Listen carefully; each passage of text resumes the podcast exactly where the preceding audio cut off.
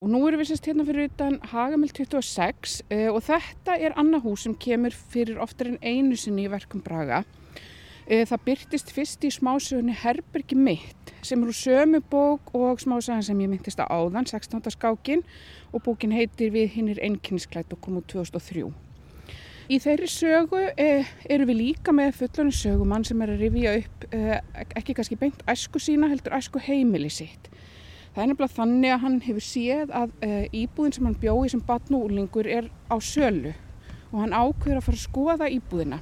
Ekki til þess að kaupa, heldur bara til þess að, að sjá aftur þennan stað og hann er sérstaklega spenntur að sjá sitt gamla herbergi. Eins og hann segir sjálfur þennan stað þar sem hann breyttist úr batni í júling og tók ymsar afdrefaríkar ákvarðanir við undirleik tónlistar og fermingaljómtækjunum eða umvafin mjúkum slæðum ilmandi pípuriks. E, og sagan byrja sér stáði hann kemur hérna að húsin og tekur eftir því að grindverki hefur verið skrifað með svörtum túsi fjöruborð innmannuleikans. Og hann veldi fyrir sig hvort þetta sé nafn á hljómsveit eða titill á ljóðabók eða eitthvað svo leiðis. E, hér gæti maður kannski sagt að, að sögur braga séu mjög oft einhver staðar í fjöruborði innmannuleikas. Þetta er alltaf mikið um innmannuleika og félagslega einangraða menni í þessum bókum. Eh, en hvað um það, inn í íbúðinni hérna upp á þriðju hæð, tekur um átunum kona til þess að sína honum íbúðina. Og hann sér strax að það er lokað annars er inn í hans gamla herbergi og inn í stofuna. Og þau svona eins og bara gengur og gerist þegar að maður fyrir að skoða íbúðir sem eigandunni sína manni ganga þarna um og skoða eldús og baðherbyggi og hjónaherbyggi og hann sér að barnaherbyggi sem að bróður hans hafði áttir orðið einhvers konar geimslu þar inn eru bjórdósir og vídeospólur og, og gamli staplar af morgumblæðinu eh, og svona hann er að velta fyrir sér þessum það kviknagrina með honum einhver svona kenda þetta hafi allt saman verið betra þegar hann bjóða þarna. Eh, en síðan þegar komið á stofinu þá kemur ljósa að eh, konan segir að þau geti því miður ekki skoða stofina og hann verður vitanlega doldi hissa yfir þessu en, en hvort þið er spenntastur fyrir sínu herbergi. Svo hann bankar létt á dittnar og segir þá er bara komið að þessu. Og þá segir konan að sé því miður ekki heldur hægt að skoða það herbergi.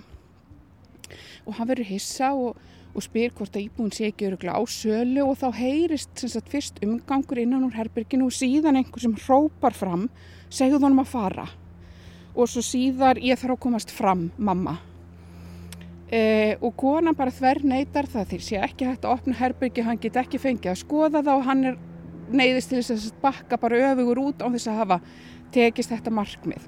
Og við fáum aldrei neina skýringu á þessu hver var inn í herbyrginu, af hverju sögumadurinn mátti ekki fara inn í herbyrgið og hvers vegna sá sem var inn í því vildi ekki koma út meðan hann væri á staðnum.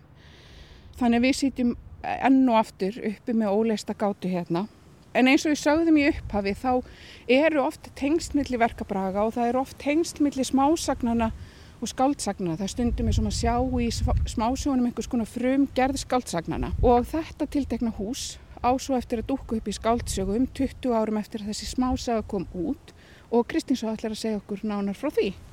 Já, það er sem sagt á þriðju hæð í þessu húsi við Hagamel sem að stór hluti nýjustu skáldsögu Braga staða pundsins frá 2019 gerist.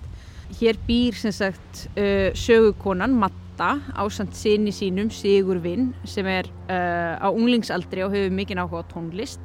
En eigin maður möttu og fadir sonarins sem að hér líka Sigur Vinn en er einfallega kallaður eldri hefur svift sér lífi þegar sagan hefst. Erum á ægisíðu reyndar hér í hverfinu.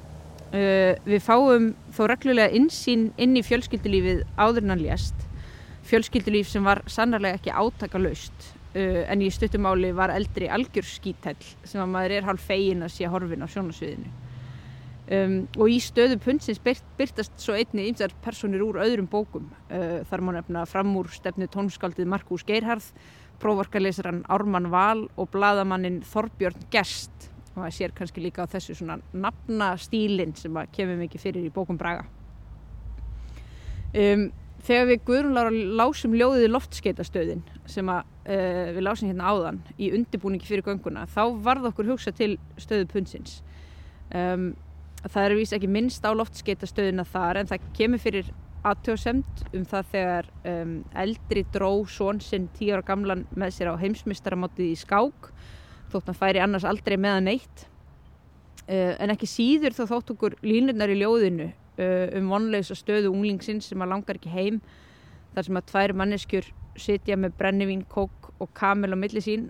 Uh, það er svona kallast á við lýsingarnar á þessu svona þrúandi heimilislífi hér á Hagamell um, og eitt af því sem að mér finnst bræi gera svo vel er að lýsa einmitt svona erfiðum og oft vandraðlegum samskiptum bæði uh, innan fjölskyldu og milli vina og milli ókunnisfólks ofta mjög svona nærgöngulegan og óþægilegan hátt en líka svona grátt broslegan oft og ég ætlaði að lesa uh, smá bút úr stöðupundsins um ógæfilegt partí sem á sér stað hér á Hagamell þegar Matta og Eldri fá vinahjón sín Hildibrand og Drífu í heimsókn og leikurinn berst einmitt út á svalirnar sem við getum svona virt fyrir okkur meðan.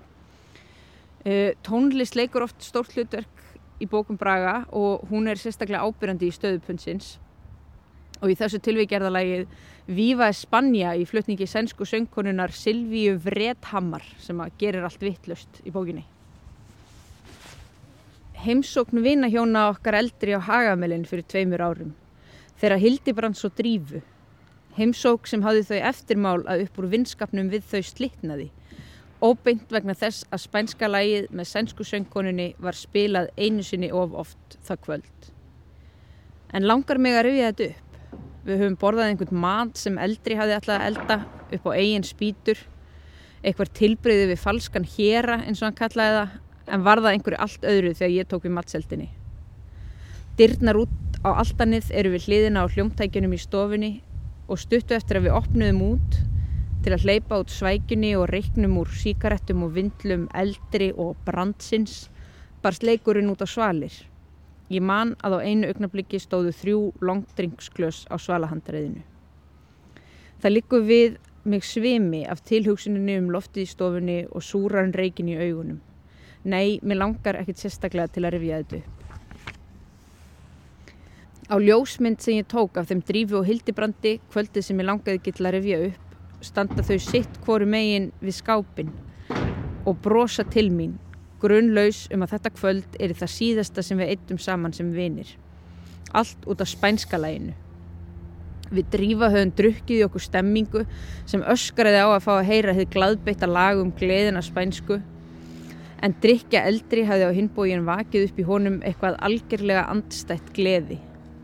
Og þegar Hildibrandur gekk í lið með okkur vinkonunum í því skinni að fá að setja lægið einu sinni enn á fónin, voru viðbröð eldri þau að íta brandi út á svalinnar og reyna í fullri alvöru okkur drífu til algjörra skjelvingar að hrindunum fram af.